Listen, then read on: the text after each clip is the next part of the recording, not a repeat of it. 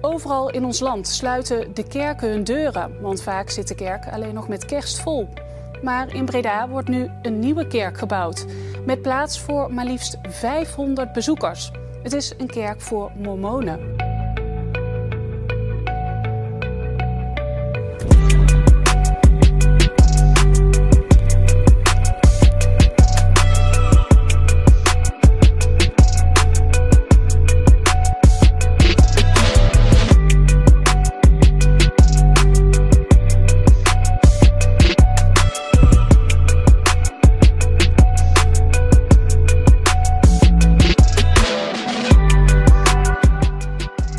Zegen allemaal. De Kerk van Jezus Christus van de Heilige der Laatste Dagen. Zo noemen ze zichzelf.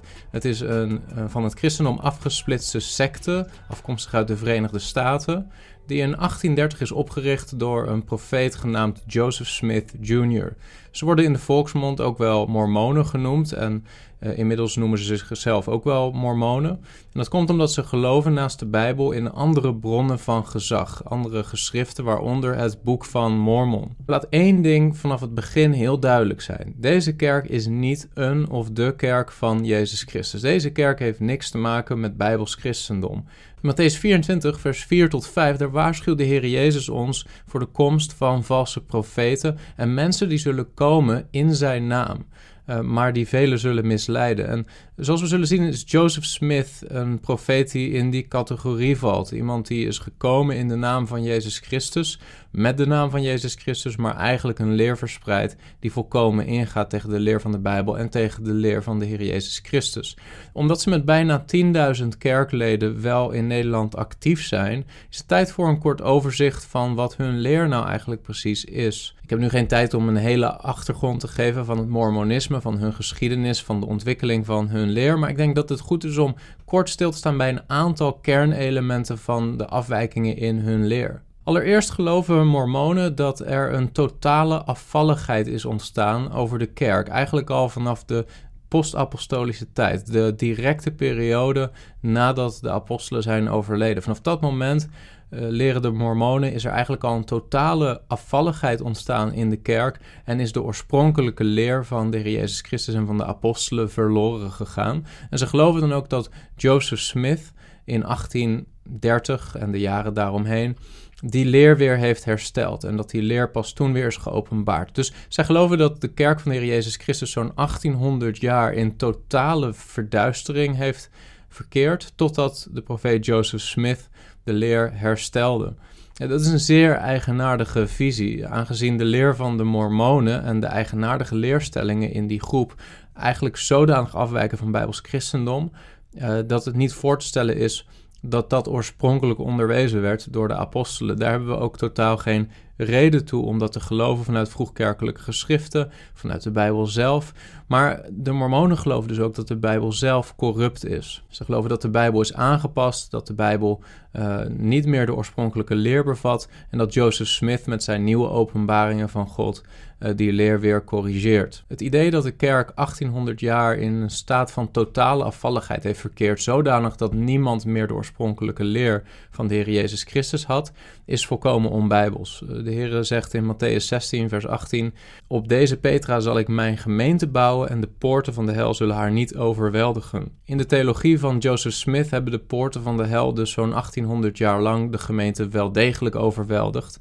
En heeft de Heer Jezus zijn gemeente niet gebouwd in die periode, maar slechts na het jaar 1800 met de komst van Joseph Smith. Dus daar zit al een enorme onbijbelse afwijking. Overigens is het altijd goed om achterdochtig te zijn voor groeperingen of profeten die zeggen dat al het christendom corrupt is en dat zij als enige de herstelde waarheid hebben. Dat is meestal het begin van een grote dwaalleer. Naast de totale afvalligheid van de gemeente geloven ze dat God de Vader ooit een mens is geweest, net zoals wij. Uh, sterker nog, hij is ooit een zondig mens geweest, zoals wij, en dat hij zich heeft ontwikkeld tot godheid.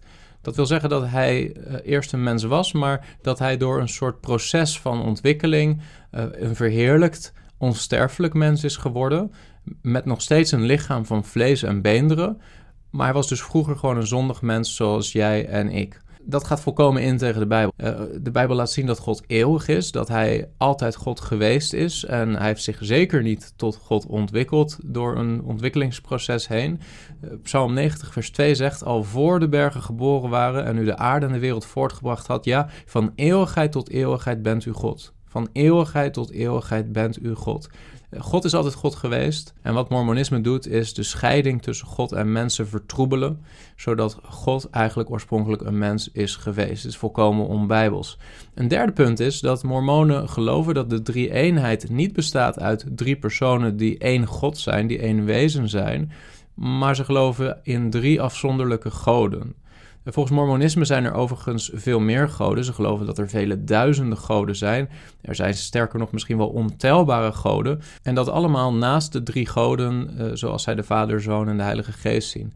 Uh, dit is volkomen onbijbels. De Bijbel onderwijst absoluut monotheïsme. Dat wil zeggen, er is maar één waarachtige God. Het is een van de meest belangrijke teksten die een Jood moet kunnen opzeggen.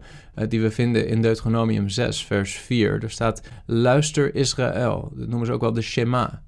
Luister Israël, de Heere onze God, de Heere is één. Shema Israël, Adonai Eloheinu, Adonai Echad. De Heer onze God is één. Er is maar één God en absoluut monotheïsme is de basis en de kern van het christelijk geloof. Niet zo in het mormonisme. Mormonen geloven in polytheïsme. Mormonen geloven dat er ontelbare goden zijn. Maar het wordt nog gekker. Het vierde punt is dat mormonen geloven dat mensen, net zoals God de Vader ooit mens is geweest, dat, maar dat mensen zoals jij en ik, door middel van een proces van ontwikkeling, verheerlijk kunnen worden tot godheden. Dus mormonen geloven, en dat is ook hun ultieme doel, uh, dat ze zelf God worden. Um, als ze goed genoeg leven als mormonen, uh, maar dit is de kernleugen waarmee de Satan Adam in de eerste instantie en Eva heeft verleid tot zonde. Er staat in Genesis 3, vers 4: Toen zei de slang tegen de vrouw: U zult zeker niet sterven. Vers 5: Maar God weet dat op de dag dat u daarvan eet, uw ogen geopend zullen worden en dat u als God zult zijn, goed en kwaad kennende. Dus de hele kernleugen van de Satan waarmee hij naar de mens kwam, was dat zij zouden kunnen worden zoals God door te eten van de boom van kennis van goed en kwaad. Dat is een leugen. Ze zijn altijd mensen gebleven. Uh, we zullen nooit God worden. Maar dit was een verleiding en een leugen die de Satan bij de mens bracht. Zelfverheerlijking. Jij kunt zelf een God zijn. En dat is nog steeds de kernleugen waar mormonen in geloven. Ten vijfde, over de Heer Jezus. Wat geloven ze over Hem? Ze geloven dat de Heer Jezus Christus het eerste geesteskind is geworden van de Hemelse Vader en de Hemelse Moeder. Ja, je hoort me goed. Mormonen geloven zowel in een Hemelse Vader als een Hemelse Moeder. En die hebben kinderen gekregen, geestkinderen. En het eerste geestkind was de Heer Jezus Christus. Overigens zijn wij allemaal begonnen als geestkinderen, ook voordat we op aarde kwamen. Daar hebben we geen herinneringen meer van, volgens de Mormonen. Maar uh, wij zijn allemaal geestkinderen van God de Vader, hè, de Hemelse Vader en de Hemelse Moeder. Uh, en ook Lucifer, de Satan, is een geestkind en is dus de broer van de Heer Jezus Christus. Vervolgens heeft Jezus zich in de geestenwereld ontwikkeld tot godheid, volgens de Mormonen. En daarna is hij lichamelijk verwekt in de baarmoeder van Maria door God als letterlijk enige geboren zoon van God de Vader in het vlees. Hoe dat precies is gebeurd, dat is niet helemaal duidelijk in de theologie van de Mormonen. Maar ze lijken te geloven dat uh, de Hemelse Vader op de een of andere manier gemeenschap heeft gehad met Maria. En in letterlijke zin Jezus heeft verwekt bij Maria. Ze geloven dus ook niet in de eeuwige oorsprong van de zoon. En uh, ja, dat gaat in tegen wat de Bijbel onderwijst. Uh, en als je daar meer over wilt weten, dan verwijs ik je naar mijn video over een bijbelse verdediging van de drie-eenheid. Ten zesde geloven de mormonen dat eigenlijk bijna alle mensen gered zullen worden uiteindelijk. De, de meeste mensen zullen eindigen in één van drie koninkrijken van heerlijkheid. Ze geloven dat er uh, drie koninkrijken van heerlijkheid zullen zijn. Uh, en er zal ook een hel zijn, maar de hel is uiteindelijk maar voor een hele kleine groep mensen. Uh, het is overigens niet noodzakelijk voor mensen om in de Heer Jezus Christus te geloven om toch eeuwig leven te ontvangen en in een van die drie koninkrijken te komen. Die drie koninkrijken bestaan uit de Celestial Kingdom, dus het hemels koninkrijk, de Terrestrial Kingdom, het aardse koninkrijk, en het Telestial kingdom. En, en dat is gewoon een woord wat niks betekent. Dat is een samenvoeging van celestial en terrestrial. Dan krijg je telestial.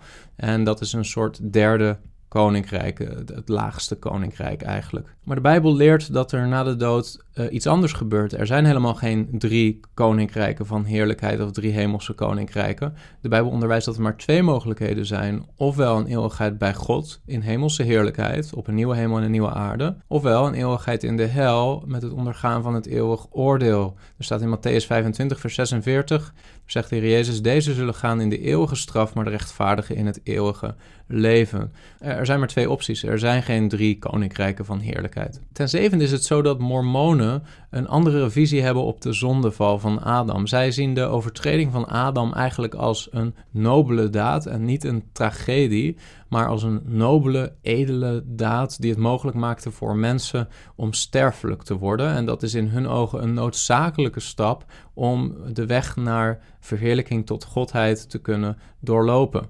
Maar de Bijbel houdt er een hele andere visie op na als het gaat om de zondeval. Er staat namelijk in Romeinen 5, vers 12 dat door één mens de zonde in de wereld is gekomen en door de zonde de dood. En zo de dood over alle mensen is gekomen in wie allen gezondigd hebben. Eh, de, de Bijbel beschrijft de zondeval als iets negatiefs, nooit als iets positiefs, als een daad van rebellie tegen God die oordeel verdient. Het idee van Mormonen dat dit een goede gebeurtenis is geweest en dat de overtreding van Adam een goede stap is geweest, is niet bijbels. Mormonen geloven dus dat God bijna iedereen redt en zal plaatsen in een van die hemelse koninkrijken. En het geloof in Christus is alleen maar noodzakelijk om binnen te gaan in het hoogste hemelse koninkrijk, de Celestial Kingdom. Eh, en daarvoor is niet alleen maar overigens geloof in de Heer Jezus Christus noodzakelijk, maar ook deelname in Mormoonse tempelrituelen. Mormonen hebben grote tempels, vooral in de Verenigde Staten. En daar zijn allerlei rituelen, eigenlijk ook best occulte rituelen, die daar plaatsvinden. Ehm, en daarnaast is het nodig om uh, gehoorzaamheid uit te leven aan de wetten van het evangelie, zoals zij die omschrijven. We hebben nu niet echt de tijd om daar diep op in te zoomen. Maar het punt is dus dat eigenlijk het geloof in de Heer Jezus Christus op zichzelf niet zo heel erg veel oplevert in de ogen van de Mormoon. En daarmee is het een volkomen antichristelijk geloof. De Heer Jezus echter heeft gezegd in Johannes 14, vers 6: Ik ben de weg, de waarheid en het leven. Niemand komt tot de Vader dan door mij.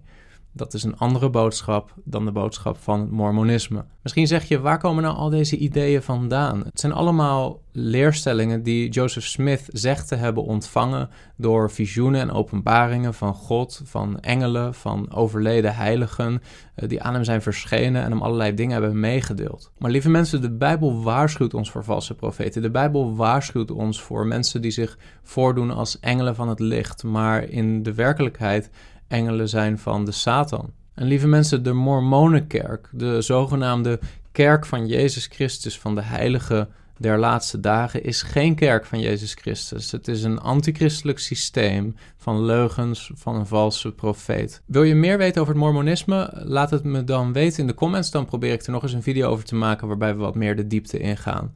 God zegen. Heb je iets gehad aan deze video? Like dan deze video, dan zullen meer mensen deze video zien. En wil je vaker dit soort apologetische video's zien? Abonneer je dan op dit kanaal.